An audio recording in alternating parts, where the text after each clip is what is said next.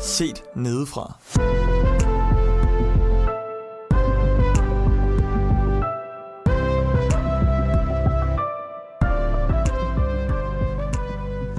Velkommen til Set Nedefra, afsnit 28, som har ja, titlen, arbejdstitlen lige nu, mens vi optager, Helligt Liv, eller Det Hellige Liv. Og øh, det er det, det skal handle om. Er vi hellige, eller bliver vi hellige, eller hvad, hvad er det her for noget, når Bibelen øh, taler os om, os, om os kristne Sådan. som værende hellige. Velkommen til jer, gutter. Tak. Tak, tak. Blød landing. I smiler og blødt ind i det. Og øh, Camilla, Ja, Mils, det er dig, der indleder i dag, ja, så uh, take it away. thank you. Øhm, da jeg startede med at lære Markus at kende, der fortalte jeg jo min familie, at, øh, at han var kristen. Og så siger min storebror, Åh, så kommer der bare sådan en hellig en ind i familien. Og det vidste han faktisk ikke lige helt, hvad han synes om. Eller han synes i hvert fald ikke godt om det. Øhm, og det var sådan nok det første, jeg kom til at tænke på, da, vi, da jeg fandt ud af, at vi skulle snakke om helligt liv. Øhm, for, for ja, hvad er, det, hvad er et heldigt liv egentlig? Øhm, og er og har den, altså den verden, jeg levede i før, har den været heldig? Eller, eller hvad? Og så, øh, da jeg læste øh, det nye testamente igennem, det gjorde jeg sådan fra ende til anden. Da jeg nåede til Jakobs brev, der tror jeg bare, jeg sådan, jeg tror bare, at benene de blev sådan faret væk under mig. Øh, og jeg tror, der var, der var bare et eller andet, der, sådan, der gik op for mig. Altså, at når den måde, Jakob har sådan beskrevet rigtig mange ting på, det er den måde, vi, altså danskere, prøver at leve vores liv på. Mm. Altså den morale, der står i Jakobs brev, det er den morale, vi, vi alle sammen prøver at efterleve, mm. uafhængigt af, om vi er kristne eller ej. Og jeg har bare lige, jeg har bare lige skrevet nogle af de ting ned, der sådan, der sådan påfaldt mig. Øhm, men, og jeg har ikke citeret altså vers og kapitler, sådan, så det må jeg lige bære over med. Men Jakob han skriver ting som, at menneskers vrede udretter intet. Vi skal ikke gøre forskel på folk. Du skal elske din næste som dig selv. Du skal tænke, før du taler. Du skal ikke bagtale. Vi skal ikke dømme hinanden. Mm. Øhm. Og så har jeg så et enkelt citat her, hvor der står, for hvor der er misundelse og selvhævelse, der hersker der uorden øh, og muligt ondt. Mm. Og det er jo bare, altså, det er jo det, min mor, hun har prøvet at opdrage mig til. Mm. Og det er jo det, jeg ved som menneske er dårlige ting. Og, og det stammer fra Bibelen. Mm. Jamen, altså, den måde, vi bliver opdraget på, uafhængigt om vi er, er kristne, eller ateister, eller kulturkristne, mm. så prøver vi at efterleve den morale, der, der er beskrevet af Gud. Mm. Den morale, som Gud har prøvet at give os, som vi skal prøve at efterleve for at være hellige, ligesom Jesus. Det synes jeg, der bare blev kæmpestort for mig. Men hvor, hvorfor tror du så, altså fordi det er jo øh, gode ting, mm. øh, du nævner her. Hvordan tror du så, at den her øh, diskurs, Mm. som du øh, snakker om med, åh, så kommer der sådan en hellig en ind. Jeg tror, det er fordi, og jeg kan egentlig godt sætte mig ind i det, øh, i min brors tankegang, at vi som kristne prøver i højere grad nok at efterleve den her, det her hellige liv, end hvad kulturkristne gør. Så han og jeg har nok også selv haft lidt en idé om, at, at man som kristen er god til at, at selvhævde sig fra, fra kulturkristne og gøre mm. sig bedre og, Mm. og dømme dem, der, der ikke gør, som vi gør. Ja. Og det er jo, og det er jo, det er jo bare blevet åbnet op for mig rigtig mange gange, at, at sådan er det ikke. Altså, mm. hvis der er noget, vi lærer, så er det, at vi i hvert fald ikke kan dømme, fordi hvem er vi at dømme? Det er kun Gud, der kan det. Mm. Og hvilken ro det ikke har givet mig mm. at, at vide det. Så jeg tror, det er der, det kommer fra, at, at, at vi simpelthen prøver at efterstræbe at være bedre, end man som ku- kulturkristen gør Ja. bevidst.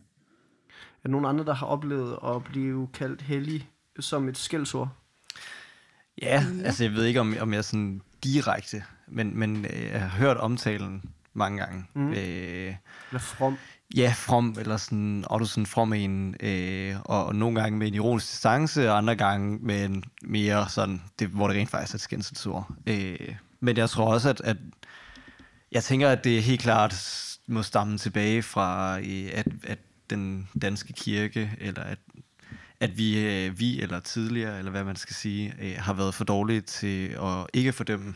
Altså måske har været for... Øh, ja, for voldsomme i vores øh, måder at, at vise kærlighed, vi fortælle evangeliet på, tænker mm. jeg. Øh, og derfor, øh, det er jo ikke, der er jo ikke mega mange øh, personlige kristne i Danmark, eller sådan, mm. så der er, jeg har mødt mange mennesker, som, hvor jeg er den første, de møder.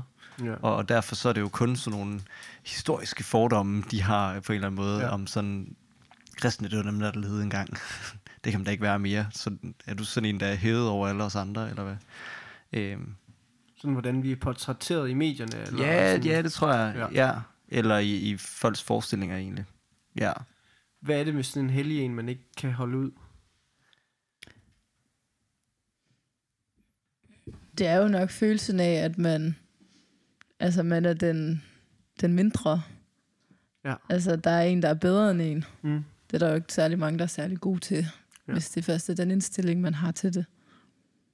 Ja, og det vil lige være, altså jeg tænker, skændselsordet har jeg i hvert fald oftest mødt sådan, sådan en, at det, du tror, du er bedre end, okay. End, end mig. Mm. Mm. Eller sådan, øh, f- ja, at det ligesom er der, hellig bliver brugt. Øh, ja, men jeg tror også, at noget af det, som jeg så har fået stor velsignelse, fundet stor velsignelse i, det er, at, at jeg har fået lov til at modbevise det. Mm. At, Ja. at jeg netop ikke er bare en, en hellig en, eller sådan. Mm. Det kan godt være, at jeg prøver at efterleve Jesus mere, men, men det gør ikke, at jeg ser dem som mindre værd. Nej. Og, og det, det handler rigtig meget om værdien, kan man sige, mm. Mm. at den ændres der ikke på.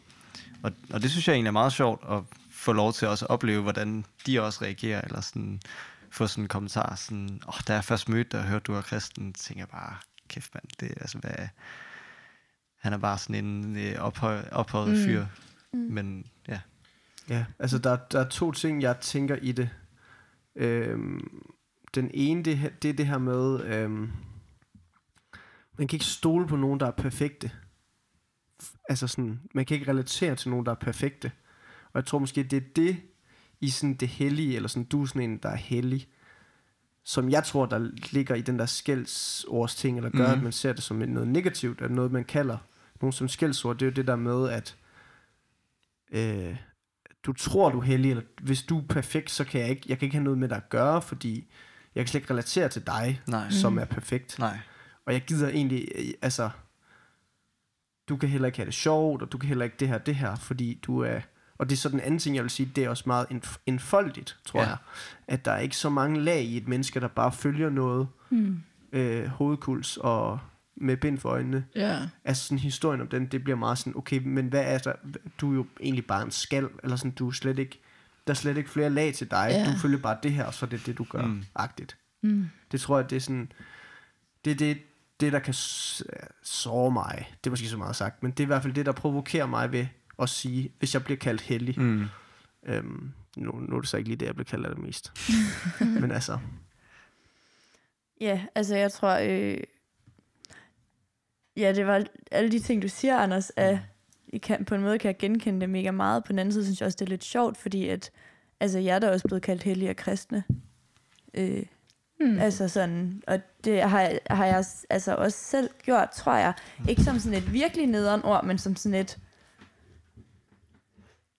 Men, Ej, undskyld, nu... jeg spiller kaffe i min bibel og min telefon. Og så ligger det op. men, blev det, men det blev det brugt på sådan en negativ måde. Jamen, eller sådan, altså lidt, eller sådan... Men det har jeg altså også prøvet. Lidt mere som sådan, Ja. at hvis Drilleri. Drilleri. Man, ja, sådan Ja. lidt Okay. okay. Altså ikke på en voldsom måde, Nej. Nej. men mere bare sådan, jamen altså, du er så heldig. Ja. Eller sådan, Ja. ja. i sådan en øh, kontekst. Ja.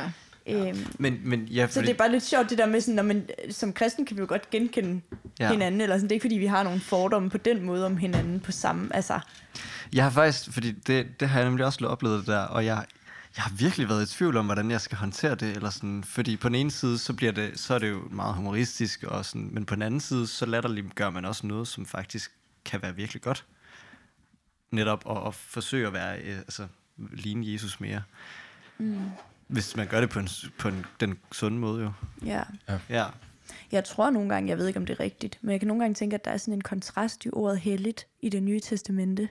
Fordi vi skal være hellige, og kan være hellige, fordi vi, altså, fordi Jesus ligesom kommer. Mm. Og derfor kan vi møde Gud, men på den anden side, så er de største sådan, øhm, næsten de største fjender i Nye Testament, hvis man må bruge det ord, det er jo farisæerne, Ja. der ifølge gamle testamentlige, testamentlige regler er ret hellige. Ja. Eller sådan, øhm, og nogle gange kan jeg i hvert fald føle, at det er sådan næsten lidt mere det der farisær hellig, man får ind over sig, sådan, du holder også alle reglerne. Mm. Eller sådan Ja. på den måde hellig, eller sådan, Ja.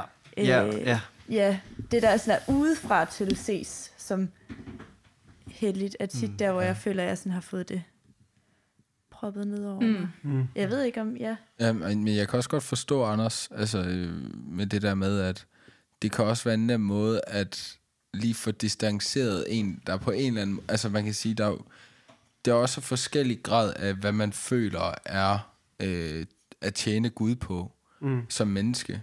Og, og, og for nogen kan det være at gå op i en eller anden ret konkret ting. Mm.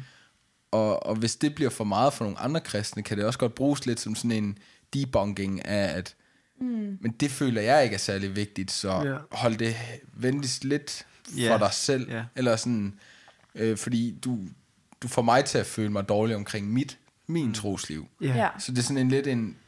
Øh, Ja. Kombineret med, med, med dansk jantelov også. Ja, lige præcis. skal, Ja, skal ja. stikke hovedet Ja, op, nemlig. eller du skal ikke... Det der med at sidde og vise, jeg læser meget min bibel, eller uha.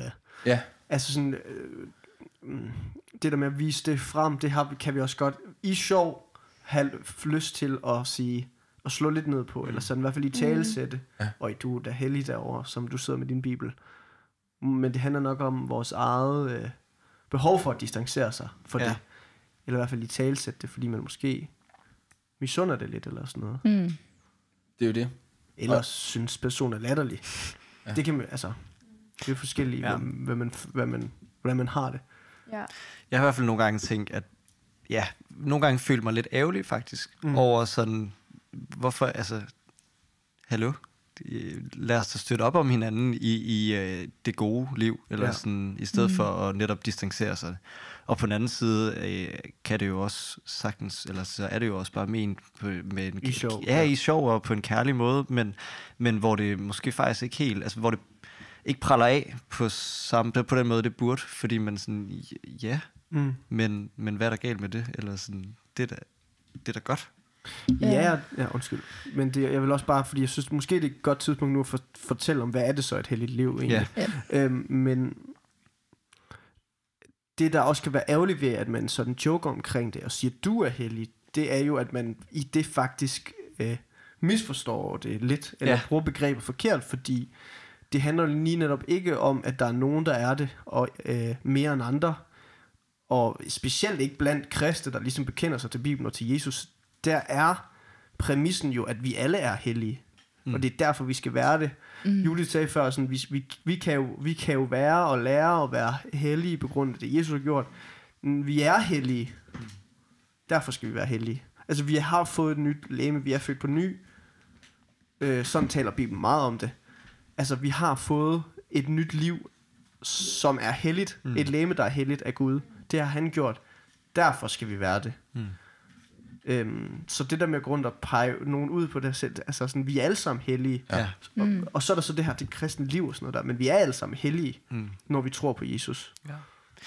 Ja, altså, ja.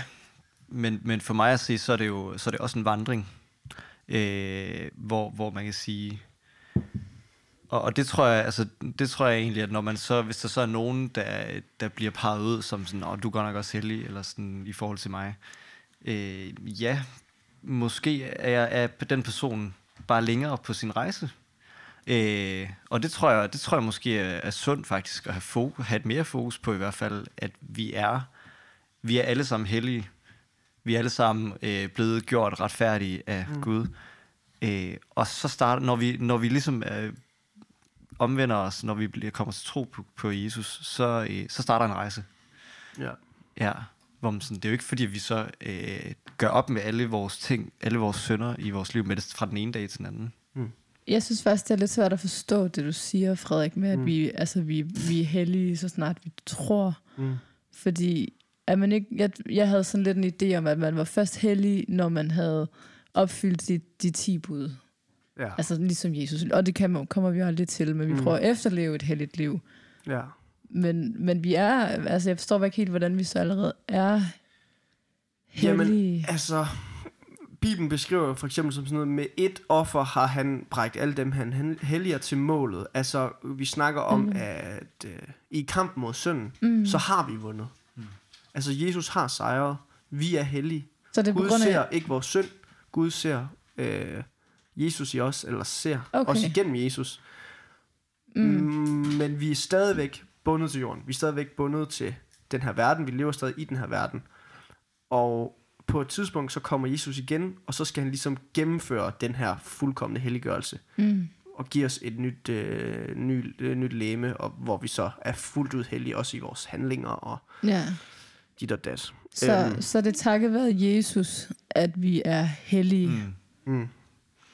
Og det er jo, det er jo i virkeligheden det, som, som ofte bliver misforstået øh, ved folk, der, der ikke kender Jesus, øh, eller folk, der kigger på kristne måske og ser, at jamen, vi gør måske en masse gode gerninger, eller vi forsøger i hvert fald, øh, og så tænker de, eller så, så er det jo netop hurtigt, at man kobler sådan, jamen det er fordi, vi, vi opnår, eller vi, vi skal gøre det her. Øh, hvor det er jo, det, rækkefølgen er bare mega vigtig, at Mm. vi, vi, er, vi er hellige, og det gør noget ved os. Altså det, at, vi, det, at Jesus han tager bolig i os, det gør, at øh, det skaber en forvandling i os, som, Ja. som netop ja, Som- som, som- som, som også påvirker vores gerninger. Øh, Mm. ja. Ja. Men ikke fra den ene dag til den anden, ikke nødvendigvis i hvert fald. Nej, men altså, og, og på samme tid, så er der så også bare sket en forandring, der er 100%. Ja, Så det er sådan, det er lidt et paradoks jo. Ja. Fordi vi er fu- fuldstændig hellige og rene, men vi er også øh, fuldstændig båret i, altså midt i. Ja. Ja. Og den lever i os, og vi er i den. Jeg tror også, at det, jeg synes, der er svært, fordi nogle gange får vi jo også, vi får også at vide, at tro alene er du frelst, men du skal også gøre nogle gerninger, så alligevel er det ikke helt det, men det er jo så også ret fint, det du siger, Anders, med, at det kommer også an på, hvilken, øh, i hvilken rækkefølge man tager det i. ja Altså, altså, ja, man kan sige, bare, det, synes, du skal også det gøre noget.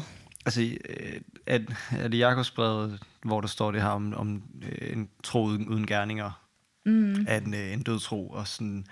Men, men det tror jeg, det er bare vigtigt at, at se det som, som værende øh, tegn på, på, hvorpå jeg kan se, hvis nu, at, at du, Camilla, tror, men jeg kan se på dine gerninger, at, at du slet ikke øh, lever i troen. Øh, så, så kan jeg ligesom bruge det som en bekymring, og, og ligesom øh, Ja. se, hey, hvad er det, der sker i dit liv? Øh, og, og netop bruge det også til at formane. Fordi Ja. at øh, troen gør, at, at vi ligesom, øh, der sker den her forvandling. Mm. Øh, men, men det er ikke gerningerne, der frelser os Nej. på noget tidspunkt. Men det tror jeg, og det er også, hvad skal man sige, det er også det, som ja. ofte bliver misforstået i Jakobsbrevet. Det det står også lidt, øh, jeg ved ikke, man skal sige kringlet, eller sådan, men det er meget skarpt i hvert fald. Så. På en pragmatisk måde, vi måske Ja. ikke er så vant til. Ja, Altså, det er lidt ligesom et pas. Du er jo dansker, Camilla. Mm. Og, men du har også et pas, så du lige kan bevise det en gang imellem. Men hvis jeg tog dit pas, fandt det her i lejligheden, og smed det ud, så er du jo stadig dansker. Mm. Du skal bare have et nyt pas. Mm. Og der, der tror jeg, at jeg tænker gerningerne som sådan beviser på, at der er en levende tro. Fordi der Ja. er ikke nogen kristendom uden forvandling. Nej. Øhm, og altså, der er ikke nogen kristendom uden, at du angrer synden. Mm. Altså sådan, det ville ske, altså, mm. og det er også derfor, man snakker så meget om, at, at en tro uden gerninger er, er død.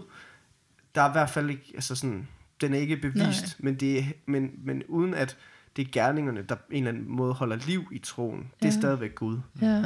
Men det, det er beviset på en tro. Der vil være forvandling, hvis du bliver kristen. ja, det er en god sammenligning. vi kommer jo ud i noget sådan lidt øh, abstrakt, fordi, øh, eller sådan, øh, jeg har lige Bibelen foran mig, den er lidt svær at håndtere. Mm. Øh, men der er sådan et, et langt stykke i Romerbrevet, hvor at der er sådan en sætning, der kører frem og tilbage hele tiden. Og det er, øh, jeg, jeg ved at, nej vent, øh, skønt jeg ved det gode, evner jeg kun det onde. Mm. Altså, det jeg vil, det gør jeg ikke. Men det jeg ikke vil, det gør jeg. Ja. Og den sætning bliver sagt på rigtig mange måder, hele vejen gennem det der. Og det viser bare den her sådan, totalt mærkelige dobbelthed, der er i det her mm.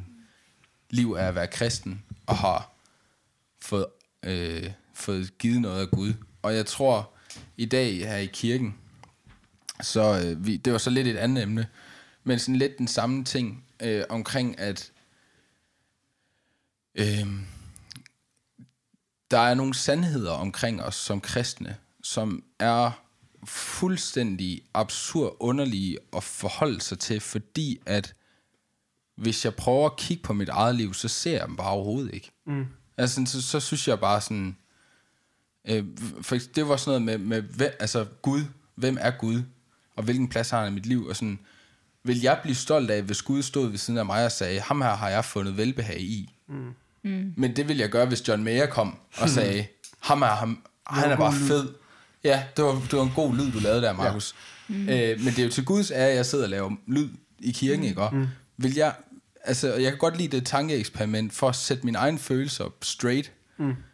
Og øh, for, fordi der kan jeg mærke, der, der sker noget i mig, mm. som ikke rigtig hænger sammen. Mm.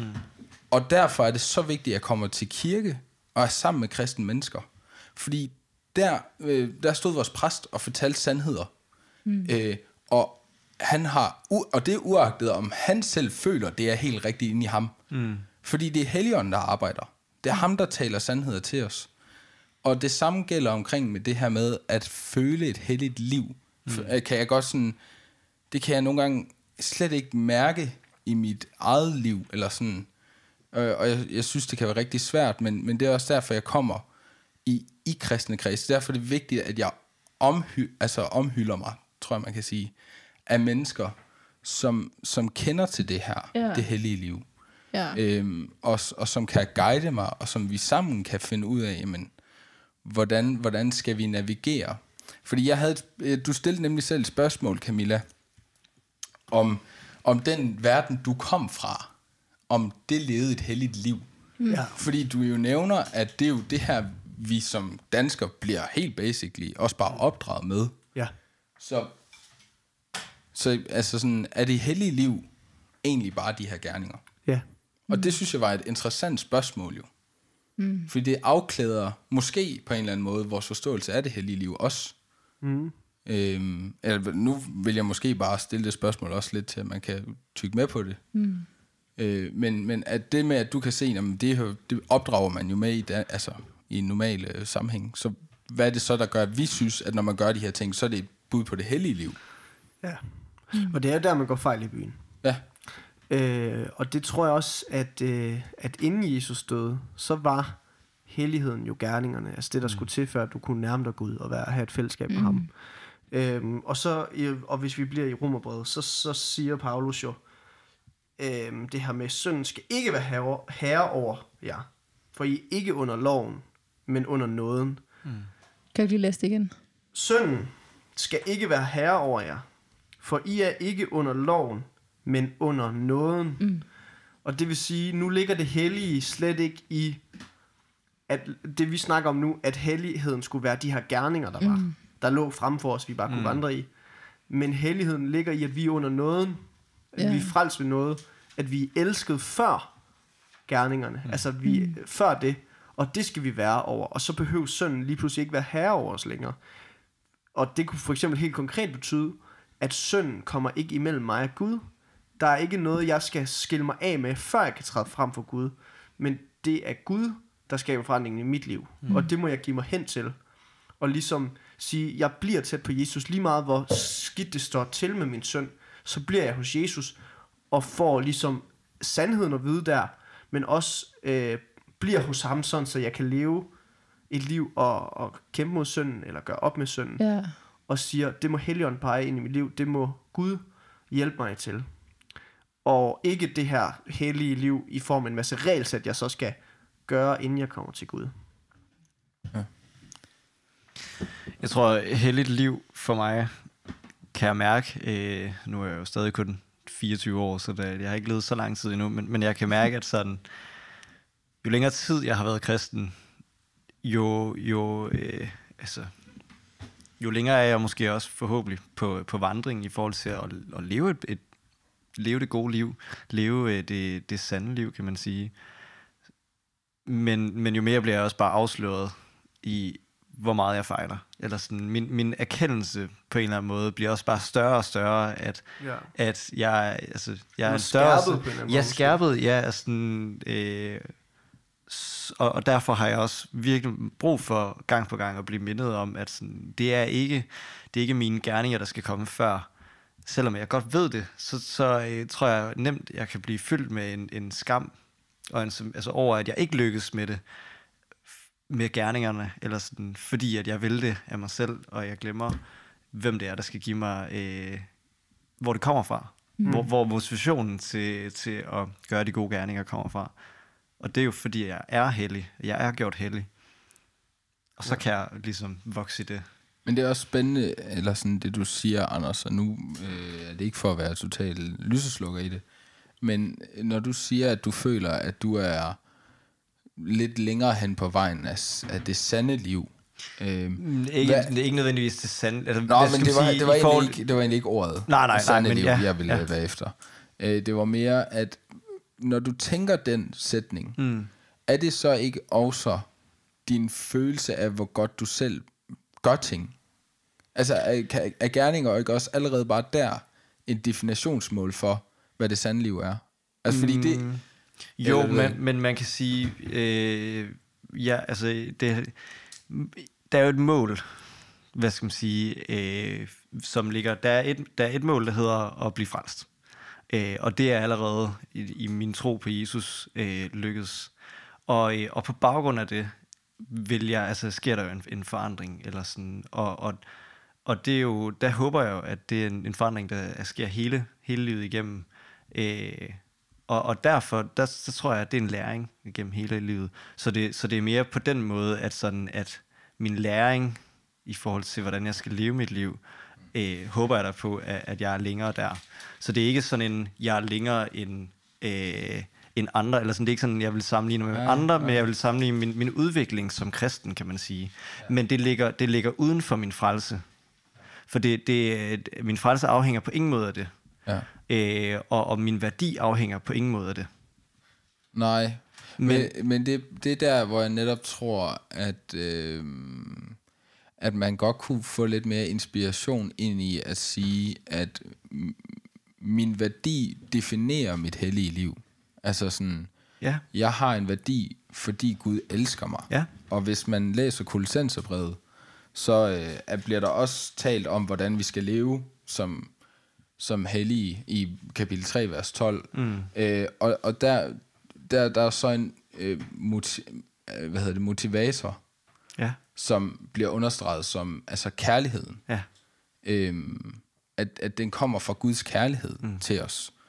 Øh, og, og jeg tror, jeg, jeg, det er bare, når du selv siger det, så sad jeg selv og tænkte, at jeg kan godt nemt, selvom man, altså det er bare igen i, i den her dobbelthed, du, du mm. selv ja, nævnte, ja. Men, men at jeg så hurtigt allerede der kan føle, at mit hellige liv bliver igen mål på de her gerninger, jeg gør. Ja. Øhm, og, og så siger vi, at motivation ligger for Gud, hvor jeg tror måske, jeg ved ikke om det er rigtigt, at man kan gøre det, men at snakke om, at vi jo egentlig, vores hellighed måske vokser jo større indsigt, vi får i Guds kærlighed til os. Ja. Mm. I stedet for at sige, at det skal måles på de gerninger, vi gør. Og, og, det, og det er netop også det, jeg, jeg ligesom mener, eller sådan, Ja. øh, at, at jeg jo netop søger hvad skal man sige, søger øh, i mine egne evner. Ja. Og, og, og der ligger bare helt vildt meget skam og samvittighed i, når, fordi jeg, jeg fejler i, i min vinkel af hellighed, hvordan jeg måler min hellighed på. Ja, eller sådan. ja, okay. og, ja, det er også bare dårligt formuleret. af mig. Nej, men, det men, tror jeg ikke, men, det er. Tak, ja. Altså, det tror jeg ikke, det er. Øh, Judith, Ja, det er fordi på et tidspunkt, der nævnte du noget om sådan, jeg kan ikke huske, om vi optog det sidste gang, da vi snakkede om sorg. Øh, men den, sådan, den dybe sorg, den kristne kunne være i. ja. Kan du huske, hvad det handlede om? Øh, ja, det var lidt i forhold til det, Max sagde. Mm. Om sådan... Ja, jeg tror, jeg nævnte nogle salmer, salme 42, 43, tror jeg. Ja. Øh, hvor at der bare beskrives sådan, det der, hvor at der står noget med sådan, som en hjort skriger efter vandet, sådan skriger min sjæl efter dig. Mm. Ja. øh, hvor det bare blev beskrevet som sådan en, en kæmpe, altså virkelig, altså hvor jeg nogle gange har læst det og tænkt, at den her person er depressiv. øh, og, og det tror jeg ikke. Eller sådan, øh, jeg tror også, det er en, et udtryk for den længsel og den sorg, man som kristen kan føle ved at ikke kunne være nær Gud, som man ønsker at være det. Mm. Kan du ikke lige prøve at slå op i rumbredet? For jeg ved, du har den der i dag, Slør. Ja, Og så det- lige det øh, godt den, være, den det første ud. vers i kapitel 6. Øhm, det er god podcast, det her. Første vers i kapitel 6. Ja, helt sikkert. Ja. Skal jeg læse det? Mm. Okay. Hvad følger nu af, øh, heraf? Skal vi blive i synden, for at nåden kan blive så meget større? At deles ikke. Hvordan skulle vi, som er døde for synden, stadig kunne leve i den? Mm. Ja, tak. Og det har jeg altid, øh, det Paulus skriver her, det her med, at du kan ikke blive, det er det, jeg tror, han skriver. Mm. Eller troede, at en kristen kan ikke blive i synden, eller sådan, en kristen kan ikke synde. Det lyder det jo til, fordi mm. vi er jo, vi er jo ikke, øh, vi er, ja, så kommer han med argumentet. Men altså sådan, det her med, at en kristen kan ikke bare blive ved med at synde, at dels ikke, hvordan, det kan næsten ikke lade sig gøre. Og jeg tror måske, det er en god måde at forstå, hvorfor der er, det er sådan en dyb sorg for mm. os. Eller sådan Ja. en, en, en hård kamp, eller at vi skriger efter vand som en hjort. Mm. Øhm, fordi at vi ligesom er i et paradoks. Mm. Mm. Altså vi lever og ånder i et paradoks, som Paulus beskriver, fordi vi kan aldeles ikke blive synd, når vi kender øh, det hellige, og vores hjerte er hellige. Det er bare sådan et hul, der bare bliver større og større. Ja, og ja, ja. Det er to Altså, kontraster, der bare det- bevæger sig det- længere og længere væk fra Man skal passe på, at det ikke river en fra hinanden Ja. på en eller anden måde. Mm. Øh, og nok også derfor, at vi skal være opmærksom på ikke kun at prædike dogmatik Ja. ja. og øh, kun forholde os til det hellige liv uden mm. at snakke om retfærdiggørelse. Sådan så det ikke er den ene side, øh, den ene verden, der river i os mere end den anden. Altså fordi i den verden, hvor vi stadigvæk er bundet til synden, der har vi virkelig behov for mm. at høre evangeliet og vide, mm. at vi er frelst fra synden. Men over i den hellige verden, som vi også har borgerskab i, der skal vi stadigvæk høre om Gud og hans ordning for mennesker, og hvad der, hvad der er sundt for os, og hvad der er godt for os at leve i. Mm. Øhm, og det tænker jeg bare var en god... Det var, det var bare en dejlig konklusion at finde i Romerbrevet til ja. den her dybe sorg. Mm. At, øh, at Paulus allerede sætter ord på det paradoks. Altså han siger, at det kan ikke lade sig gøre. Men som Markus sagde, så skriver Paulus jo også, at alt det han gør, det han gerne vil, det gør han ikke, og det han ikke vil, det gør han. Mm. Så Paulus er, står selv i det, og ja, har ligesom øh, også formuleret, hvor hårdt det er. Mm. Men, men er stadigvæk bevidst om, at det ikke kan lade sig gøre mm. i forhold til Gud. Jeg synes altid, det er så anerkendende, når der, når der er nogle mennesker fra Bibelen, der har oplevet det samme, som vi oplever i dag. Mm. Det, var, ja, det gør det i hvert fald på nogle måder lidt lettere, når man selv står i det. Men jeg tror bare, at for mig, når folk begynder at snakke om øh, en masse ord, jeg har hørt hele mit liv, som jeg egentlig synes er ret flyvske, øh, så klapper den bare lidt i for mig, på en eller anden mm. måde. Eller sådan, øh, ja, det er rigtigt, og det er godt, og det har jeg hørt mange gange, og det er svært at forstå, men så har man lige de der sekunder, hvor det giver mening, og så går man glad ud, og så Ja, det er, er det godt. virkelig rigtigt. Øh, det kan jeg i hvert fald stå meget med. Og jeg tror bare for mig, at, sådan, at et heldigt liv ligesom bare er sådan... Jeg, jeg mærker det meget mere, end jeg forstår det. Ja. Okay. Og jeg, Fint. jeg, øh, Hvordan mærker du det? jeg mærker det som en, en kæmpe glæde over at få lov til at være Guds tjener. Mm. Og få lov til at være hyggeligt. hans redskab. Nej, det var bare... Det lyder så fromt.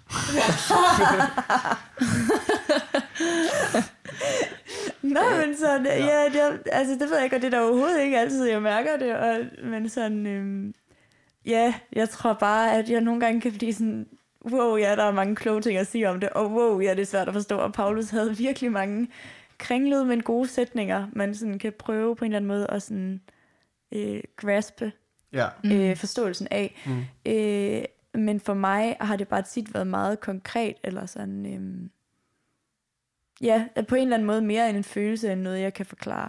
Hvor, kan du sætte ord på det konkrete? Altså, er det en situation, eller hvad, hvor- hvornår er man så? Hvornår er det det hellige liv? Mm, jeg tror tit, jeg har sådan oplevet det, hvis jeg har...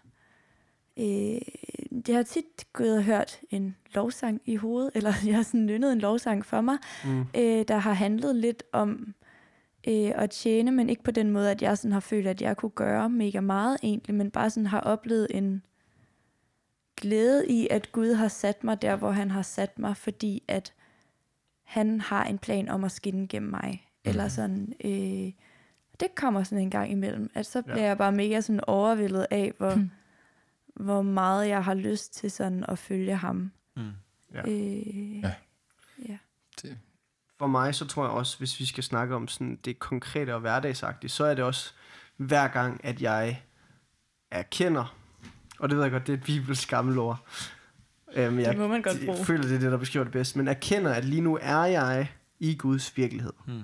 Altså, Bibelen er sand, og nu kommer jeg ind på mit studie, og hvis Jesus er sandhed, altså hvis det er sandt det her, jeg går og tror på, så skal jeg lige øh, være opmærksom rundt omkring mig, er der nogen, der har brug for hjælp? Ja. Er der nogen, der har brug for, at jeg siger hej til dem? Ja. Er der nogen, altså sådan, og det, det, det føler det er der, jeg kan mærke det hellige liv. I hvert fald den gode side af det. Og så er der også hele den dårlige side. Mm. Og det er sådan noget, burde jeg. Mm. Nu gjorde jeg det her igen. Mm. Jeg har kun tænkt på mig selv i dag. Mm. Eller så- så videre, så videre. Øhm, og jeg synes faktisk, at sådan på den måde, hvis jeg tænker på det positive, som du gør, og det er dejligt at høre. Ja, det var så også, du Øhm. bad om noget konkret, når jeg fik den følelse. Ja, ja. så, så, Men, men, men det er jo sådan den positive tilgang til det, Ja. ja. hvor man sådan har overskud. Ja. Men i underskud, der synes jeg bare, at det hellige liv er totalt øh, drænende, og sådan, det, det er uopnåeligt på en eller anden måde. Mm. Jeg ved ikke, om der er andre, der har det sådan. Hvis, hvis, hvis hvordan I forstår jeres hellighed i en hverdagskontekst, i stedet for en bibelsk kontekst. Men jeg gad godt at vide om, altså, at det, at det øh, igen os, der gør noget om, altså, er det igen det fejlfulde i mennesket? Fordi at, nu har jeg både snakket med Camilla, og jeg har snakket med en anden, vi kender, som heller ikke har været kristen i særlig lang tid. Og begge to har udtrykt omkring, at der er, øh, der er i hvert fald gået lang tid, hvor livet med Jesus bare har været rigtig godt. Mm. Altså hvor det virkelig bare har været skønt at være kristen. Mm. Og hvor det bare har fyldt en med glæde. Ja. Bare glæde. Mm.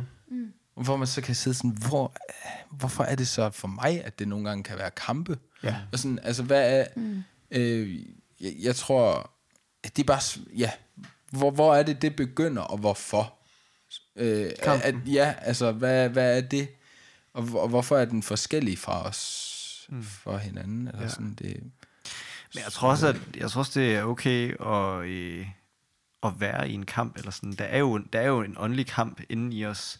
Og, og nogle gange så øh, kommer det sikkert til udtryk igennem dårlig samvittighed eller skam. Øh, fordi at, at den, altså den ene, den dårlige halvdel af af os måske, øh, får lov til at få et overtag. Eller sådan. Men, men der er stadig det gode i os. Jesus er stadig i os. Og, og, og der tror jeg helt klart, at der er nogle åndelige clashes. Clashes? Wow. Mm. Nå, som, øh, altså, som ikke er rare. Og jeg tror du ikke og alligevel, nogle gange... kampen, undskyld jeg afbryder, Ja, det er men, bare afbryd. men kampen ud af det der, synes jeg bare tit, når jeg sådan faktisk læser Bibelen, hvis ja. jeg nu ser øh, ham den lille, Zacchaeus, Ja, de er jo, laver vækst. ja ja, med, og høj i synd, kan og, vi relatere til, Anders. og, ja, det kan altså lav højde og meget lav moral. Ja. Men hans take på kristendom, mm. altså den måde, han bliver kristen, og så går ud og lever det kristne liv, hvad vi hører om ham. Ja. Vi efterlader ham så også rigtig hurtigt, så der er masser af tid til forandring. Øh, på mange punkter.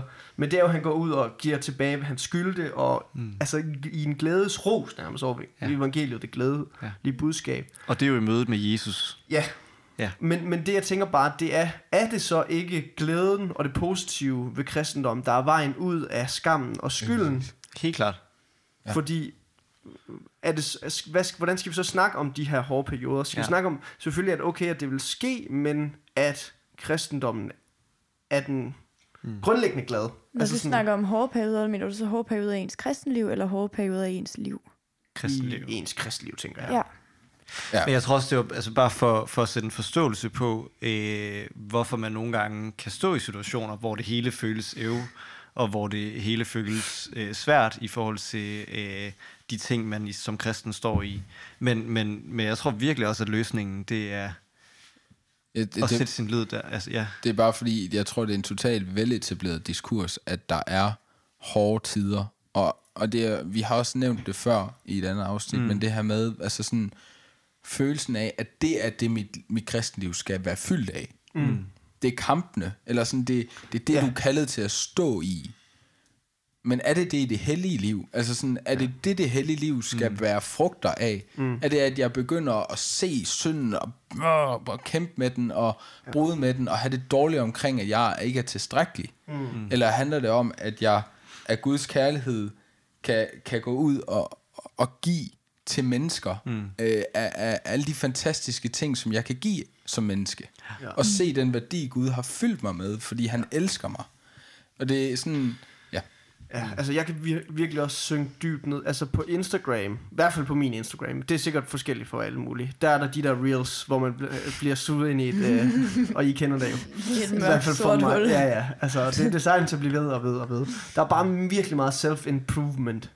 Om det så handler om din økonomi, eller dine muskler, din mentalitet, og sådan noget der. Det hele handler om, altså, og det føler jeg virkelig, der er meget af i vores kultur, self-improvement. Altså sådan, optimere det noget bedre, stå lidt tidligere op, mm. start lidt tidligere, sæt, skriv det op på et whiteboard og kig på det hver dag, og så skal det nok blive til noget. Og jeg tror, i hele den kontekst, vi er i, hvor man hele tiden skal gøre sig selv bedre, det her skal til, for at du kan få bedre karakter. Gå til en mental coach, får du bedre karakter. Det der med sådan, og vi har snakket om det før, kollektiv kultur i forhold til vores individuelle... Er der ikke en, der siger det for, for Individuelle. Individualistiske. Oh. Det er så let at arbejde med. Men i hvert fald, at der, der, dø, der øh, hvad hedder nu, drukner vi lidt i Bibelens budskab, fordi vi vender det ind. Og det er jo simpelthen så øh, narcissistisk, det du taler om Ja. før, med, i kampen mod synd. Min kristendom handler om mig og mm. min synd, og ja. kampen mod den. Nej, Jesus han var også meget, altså han, han trak sig tilbage og havde et liv med Gud, mm. men hans liv med Gud og relation til ham, det var jo også at fortælle om Gud, og hjælpe nogen, der havde det dårligt, og forklare nogen, der havde misforstået noget, og, sige, og sådan, altså sådan dyden i det.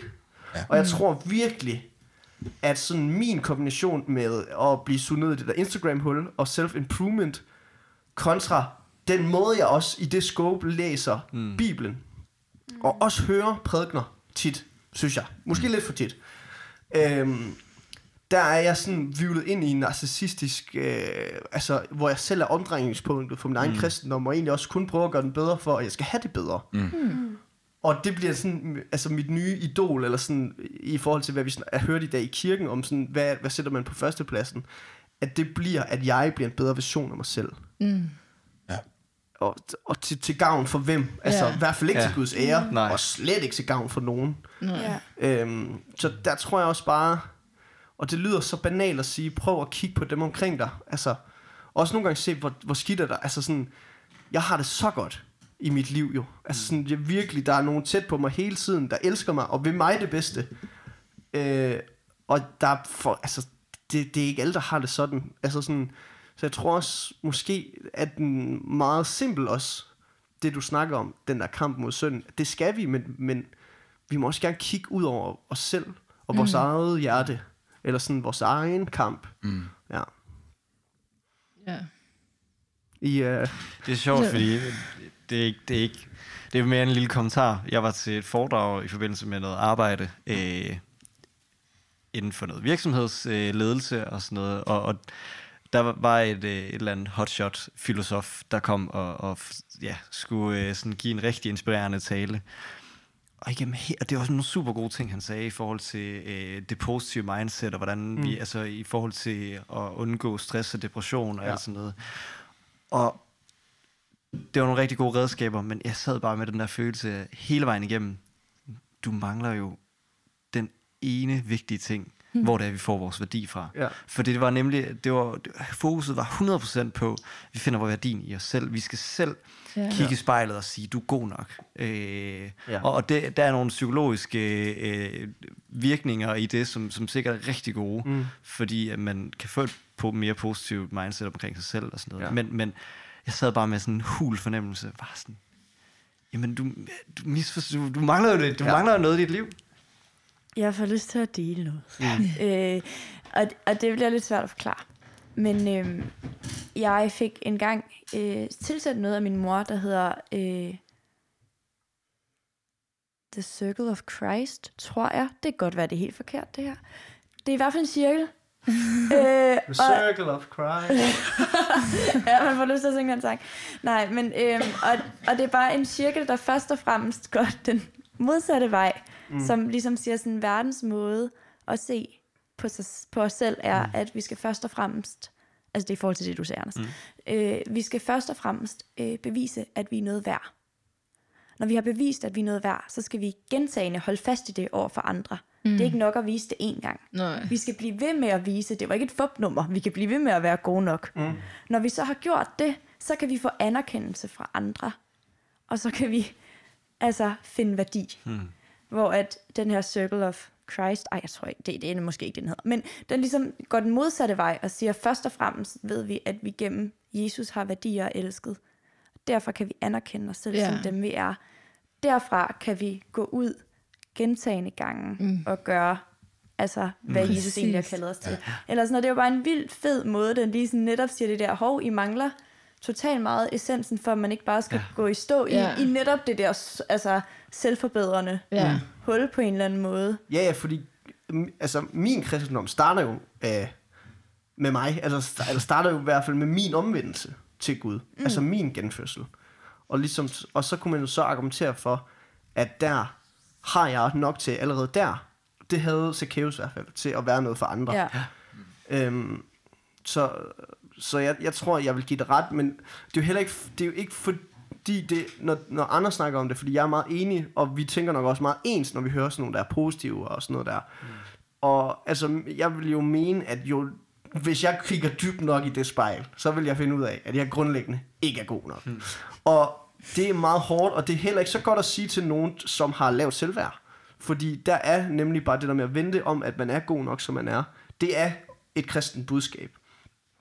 Så jeg tror også, det er derfor, at vi skal passe på, at man ikke misforstår den måde at tale om den her grundlæggende værdi, at vi ikke er gode nok, men at det er vi i Gud, når vi taler om til folk, der har lavt selvværd. Fordi de har jo ligesom brug for... Mm. Ja, altså jeg kunne jo overhovedet ikke give trøst til en af mine kammerater for mange år siden, hvor han sagde sådan, hvor er det bare hårdt at være kristen, og hvorfor skal jeg være så selvkritisk? Mm. Og så sad jeg bare sådan, jamen det er jo den eneste vej. Ja, Det er jo det eneste. Det, det, du gør det da sindssygt godt, hvis du har det sådan. Det var seriøst det, jeg sad og tænkte. Ja. Og jeg kunne bare se, at han var i en total livskrise jo. ja. Altså, det, det var det var troen eller ikke troen, Ja. han stod med. Og jeg er egentlig ikke, altså, det er jo vel det rigtige, man skal gøre, det du har gang i. Ja, det er hårdt måske. Det er jo helt sindssygt. Ja, Ja. Jeg, kan, jeg kan ikke give ham, at ikke at kunne give ham bedre. Ja. Det føler jeg er en misforståelse af, hvad evangeliet er. Fuldstændig. Fra min side. Det, at du skulle kunne lægge evangeliet fra dig, og så få det bedre med dig selv, det er en løgn. Ja, Men det kan godt være sandheden for nogen, nogle gange. Hvis de har, hvis de har fået fortalt tingene forkert for mange gange i streg. Og misforstået det, sådan som vi gør med self-improvement, og jeg skal leve op til det her, det her, mm. det her. Så bliver det lige netop, jeg prøver i den her gentagelse, der giver jeg fortabt. Hvis jeg, hvis jeg fjerner troen fra mit liv, så slipper jeg for det. Fordi det er alt det, jeg har bundet det op på. Og det skal vi virkelig passe på, at man ikke kommer derhen.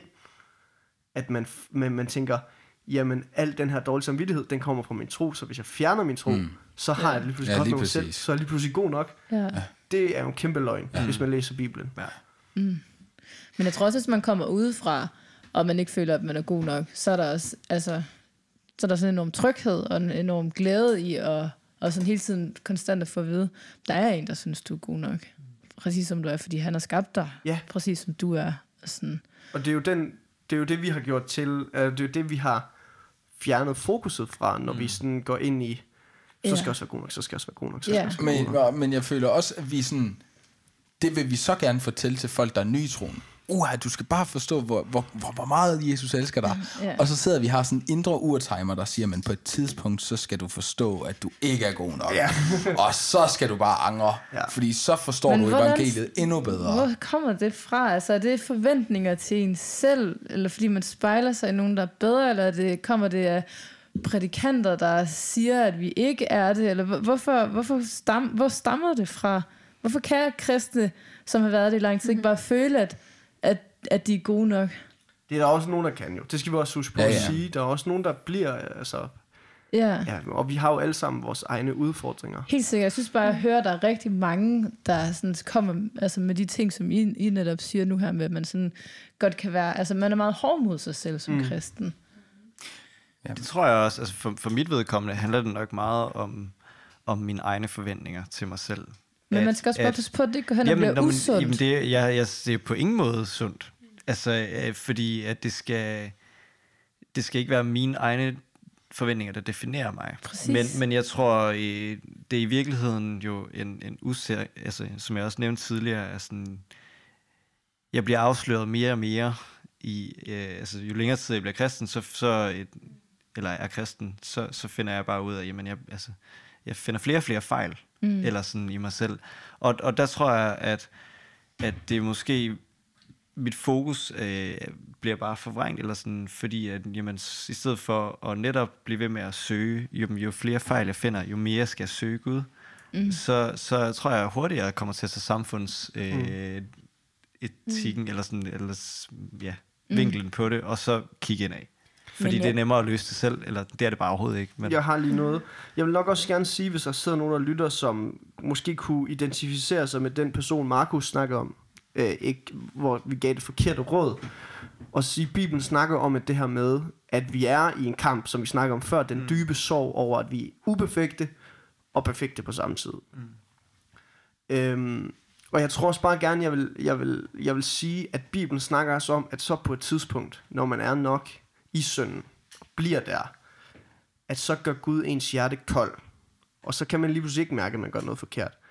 Og hvis du ikke er der endnu, hvor, hvor du stadigvæk, det gør stadig ondt, når du synder, du angrer stadig, så er Helligånden stadig i dit hjerte og arbejder med dig. Mm. Så det er ikke, altså det er ikke grund til at give op på troen, at den er hård. Og, og, og det er det, man måske også har prøvet at prædike imod, at på et tidspunkt, så bliver dit hjerte altså koldt, hvis du bliver ved med at synde, mm. uden at føle nogen anger. Øh, og Gud, altså, Bibelen beskriver det også i, i, i Gamle Testamente, hvor, hvor Farao først gør sit hjerte kold fem gange ved de 10 plager, de første 10 plager, tror jeg cirka, og så sker der et skift, hvor Gud gør dit hjerte kold. Mm. Altså hvor, øh, og, og det ved jeg ikke lige hvorfor, men det er noget med at få hans historie til at gå videre, tror jeg, at med de 10 plager, men det er altså Farao først, der gør sit hjerte koldt. Mm. Altså han føler ikke nogen anger over, at han... Øh, holder på jøderne, selvom Gud befaler ham, at han skal mm. give slip på dem og, og bringe dem ud af deres øh, slaveri. Øhm, og jeg tror, at det er den, vi skal... Øh, altså, jeg vil gerne anerkende prædikanters øh, varsel over for, at synd kan gøre dit hjerte kold. Mm. Fordi det, du kan ikke være i synd, som Paulus siger. Der er, vi skal huske mm. det der paradoks, at vi kan ikke blive i... Vi, vi er ikke af synd, vi er af noget, nåden af Herren i vores liv. Mm. Øhm, så hvis du kæmper med synden og har det skidt, dårlig samvittighed og sådan noget der, så er det stadigvæk et bevis på, at du lever i det paradoks. Men der er stadigvæk noget af den der måde, du ser på dig selv på, og hvem der skal kæmpe din kamp, som der kan ændres på. Mm. Øh, og det handler også om at læse om Guds kærlighed til en, sådan som vi har talt om. Mm.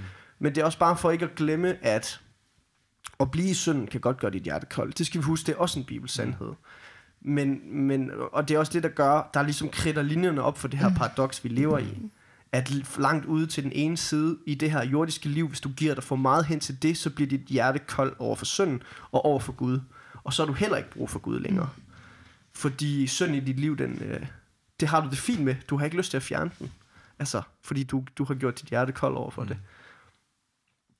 Øhm, det var bare til det, du spurgte om, Camilla. Mm. Der tror jeg også for min egen del, at mit, ja, så ved jeg ikke, om man kan kalde bagland, eller sådan, også har en, altså sådan, også rigtig gerne øhm, taler meget inden for, vi er fyldt med synd, og det er gennem Jesus, at vi bliver frelst. Mm. Øh, og jeg tror, at der for nogle en del år siden var en, en stor tendens til øh, netop altså sådan virkelig at grave i, bruge lang tid en prædiken at grave i, hvor store syndere vi var, og hvor meget vi ikke kunne komme op af det her hul selv, og så kommer Jesus og redder os.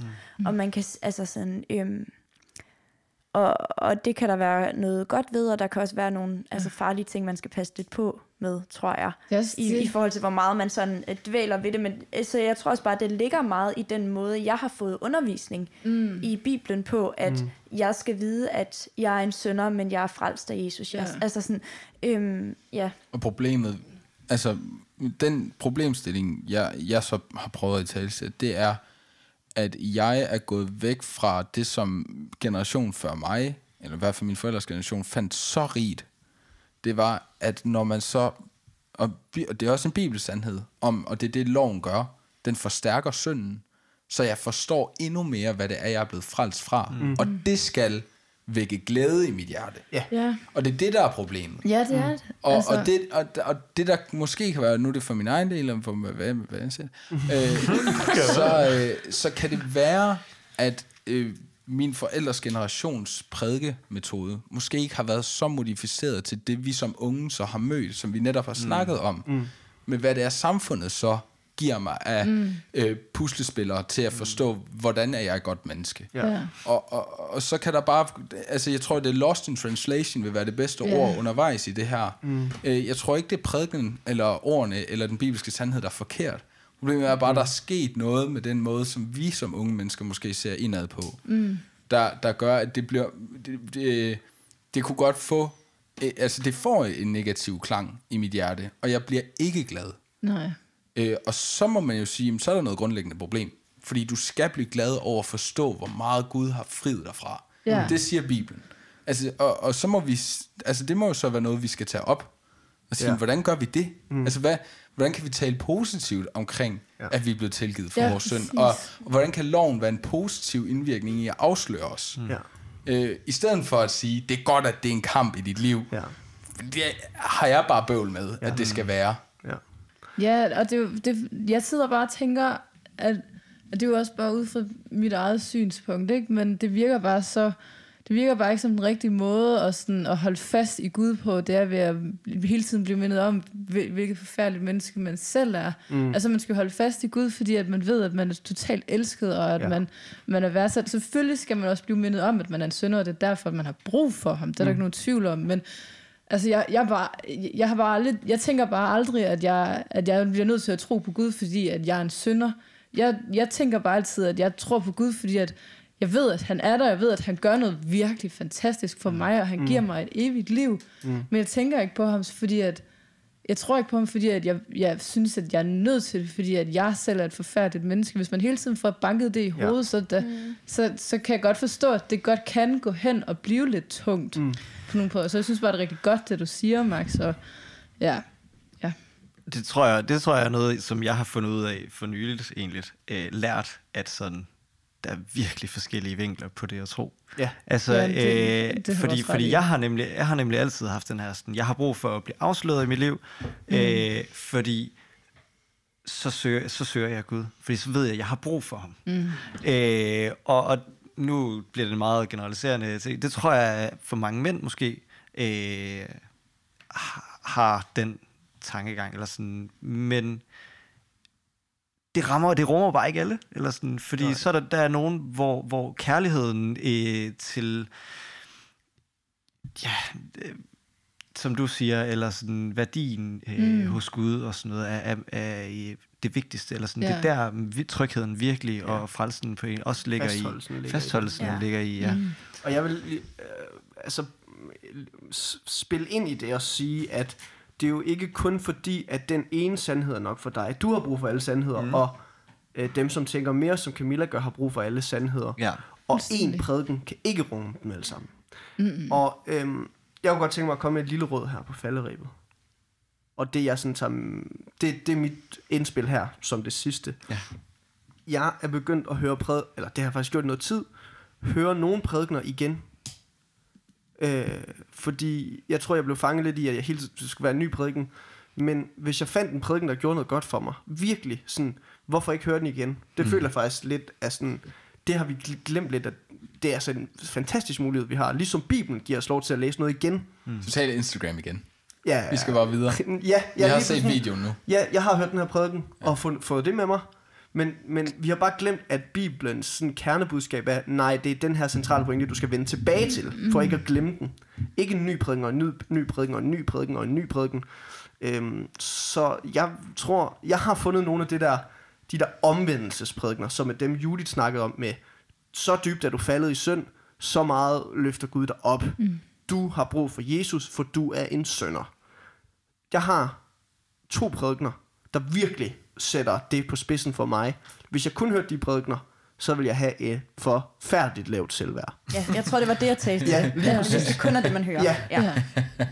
Fuldstændig forfærdeligt, fordi det, de prædikner, de sætter det, altså, det er virkelig sådan, du er nede i skidtet, mm. og det, det er kun ved omvendelsen til Jesus, du, der er en vej ud af det her, makker. Ja. Og på samme måde, så har jeg også nogle andre prædikner, som fortæller mig noget andet til jer, når jeg så har haft en omvendelsesprædiken og har sagt, der skal gøres op med det her måske i mit liv, så skal jeg vende tilbage til Guds kærlighed og min værdi i det. Mm. Øhm, men jeg har helt sikkert haft den samme tendens til Anders til at, at lægge mig derover, hvor jeg følte, der var mest øh, effekt. Fordi nogle gange så kan Guds kærlighed blive det, der bare skal ind i min underbevidsthed og ligge, at jeg har en værdi, og jeg har noget at give til folk. Mm. Altså, jeg har en kilde, som bliver ved med at give mig, sådan, så jeg kan give til andre. Øhm, hvor det andet, det taler direkte ind i mit liv lige nu. Der er det her, der skal gøres. Omvendt nu. Øhm, så det råd, jeg vil give til folk, det er, hvis de hører lydprædikner eller podcast. Altså, lyt til det igen, hvis det er godt, fordi noget af det, altså Bibelen er jo skrevet, den er færdig. Der er nogle budskaber, og de skal bare høres igen og igen, indtil du dør. Sådan er det. Mm. Øhm, og det er mit råd. Det er der, jeg taber ud herfra. Jeg kunne godt tænke mig at bare lige til sidst vende tilbage til Camilles spørgsmål i starten, i forhold til om øh, kulturkristne eller ikke-kristne, eller hvad vi nu skal... Folk, der ikke tror på Jesus, men lever et, øh, hvad skal man sige, langt hen ad vejen, helligt liv i forhold til gerninger. Er det et helligt liv? Det stiller du spørgsmål nu. Ja. Fordi vi vi har, det, den rundede vi ikke rigtigt. Mm. Kan, man, kan man som ikke-kristen leve et helligt liv? Nej. Ikke, det synes jeg ikke med den definition. Altså, vi er blevet gjort hellige. Mm. Ja. Øh, og jeg tror, grundlæggende set, så kan man gøre gode ting, der stemmer overens med det, der står i Bibelen, vi skal gøre. Og mm. det som Gud, som, nej, det var ikke Gud, der sagde det. Det var Camilla. Men tak. Men jeg takker. det var lige ved at være så klogt. Men hvad hedder det? Der er jo masser af levn fra Bibelen i den danske moral og opdragelsesmetode, mm. som er god, fordi det følger noget, det Bibelen siger. Problemet er bare, en gerning er ikke bare en gerning, fordi den er gjort. Det er fordi, den er gjort til Guds ære. Mm. Ja. Og derfor så er det kun en i et... Altså, og, det, det, altså, og det er så set fra Guds øjne. Mm. Vi kan ikke vi kan ikke navigere i det. Fordi alle gør det, vi kan se er godt, og kan læse i Bibelen er godt. Men Gud kan se de hellige og de ikke hellige. Mm. Så altså, i vores øjne er der 6 milliarder forskellige slags mennesker, og i Gud så er der to slags mennesker. Ja. Dem, der tilhører ham, og dem, der ikke gør. Mm. Så fik vi svar på det. Godt. Ja. Ja, jeg synes, at det var øh, sådan afrundet, så synes jeg, at det var rigtig fint, øh, det som du kom ind med, Judith, at sige, at du forstår hellighed mere med dine følelser, end hvad man kan forklare med ord. Mm. Mm. Øh, det tror jeg er, er befriende for mig på en eller anden måde, at, at, at, at tale ind. i. Og jeg tror også, det var lidt det, jeg prøvede at fumle frem med, med, med at vi skal se på kærligheden. Øh, i stedet for at vi måler, hvor heldige er vi blevet ved at se på vores gerninger, så mere med, hvad er det, vi føler? Hvad oplever jeg som kristen? Lader, oplever jeg, at Gud elsker mig? Føler jeg, at han griber ind i mit liv? Tillader jeg ham at, at have del i mit følelsesregister? Og det, man kan sige, nu sætter jeg igen ord på ting. Mm. Det er, jeg er dårlig til at føle Ja. efter ting. Og ja. det tror jeg er, er en vigtig øh, formaning til mig, om at prøve at gøre. Øh, Ja. Hvad har I andre? Er der andre, der har taget noget godt med? Jeg vil lige nævne, at det er jo ikke, du snakker noget om puslespillere. Det er jo puslespilsbrikker, man får at samle. Du sagde flere puslespillere, og det er jo dem, der ligger puslespillere. Jeg kan ikke engang huske, jeg har sagt. Men fair. Igen, jeg taler. Så kan jeg også lige rette mig selv. Det hedder The Circle of Grace. Ah, ja. Ja. Jeg troede faktisk, det var The. Circle of Christ versus The Circle of Life. Ja, Western. det, Ja, okay. ja. Jeg synes til gengæld, det var rigtig dejligt. Og også dejligt, Judith, at du lige sådan tappede ind på et tidspunkt og sagde, måske brække dine følelser ind i det. Fordi at vi, der var rigtig meget dogmatik lige oppe i starten, eller sådan mm. bibelforståelse af nogle gamle støvede ord. Øh, så det var dejligt, at vi kunne snakke lidt mere personligt om det også, synes jeg. Men nu folder jeg hænderne, og så siger vi, at det var et godt afsnit. Kære far, tak for det, du har gjort for os. Tak, at vi kan få lov til at sige, at vi er elsket, og vi har en kæmpe værdi. Tak, at vi kan få lov til at sige, at vi er gode nok. Vi beder om, at vi også må få lov til at føle det i vores hjerter. Øhm, og det beder vi om, fordi vi tror, det er din vilje, at vi skal have det sådan, når vi ser på det, du har gjort for os. At så skal vi have det godt med øh, dem, vi er, fordi du elsker os. Og det er der, vi finder vores værdi. Fordi du elsker os, så er vi gode nok. Øh, fordi du elsker os, så har vi værdi.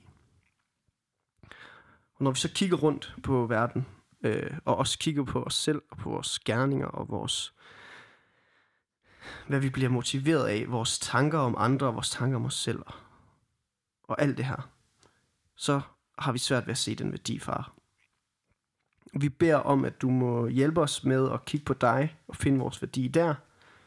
Øh, men også, at det må blive motivation til at, at være noget for andre så. Og stoppe de her onde tankemønstre, og også stoppe de her dårlige gerninger, som ikke er gjort øh, til din ære. Far, vi tror, at det er din vilje for vores liv. At vi må få lov at se mere på verden, på, den, på vores næste og på vores selv, sådan som du gør det. Vi beder bare om, at øh, det må at det må være din vilje ind i vores liv. Øhm, at du må sætte vagt omkring vores tanker. Øhm, sådan så vi er skærpet for omverdenen øh, og ser på dig. Sådan så vi, vi er klar til at, at tage del i den. Øhm, jeg beder for alle dem, som har det svært med deres selvværd, og som ikke synes, de er gode nok. Øhm, jeg beder om, at du må gøre det her mirakel i dem, at de må se, at øh, de er højt elsket, og de har en kæmpe værdi. Så beder jeg også måske for dem, som tænker for højt om sig selv, øhm, og jagter værdien i dem selv, øh, og så måske også lykkes med rigtig mange ting hernede på jorden. Jeg beder for, at de også må blive gjort, øh, gjort ydmyge, øh, og finde deres værdi i dig. Ja, amen.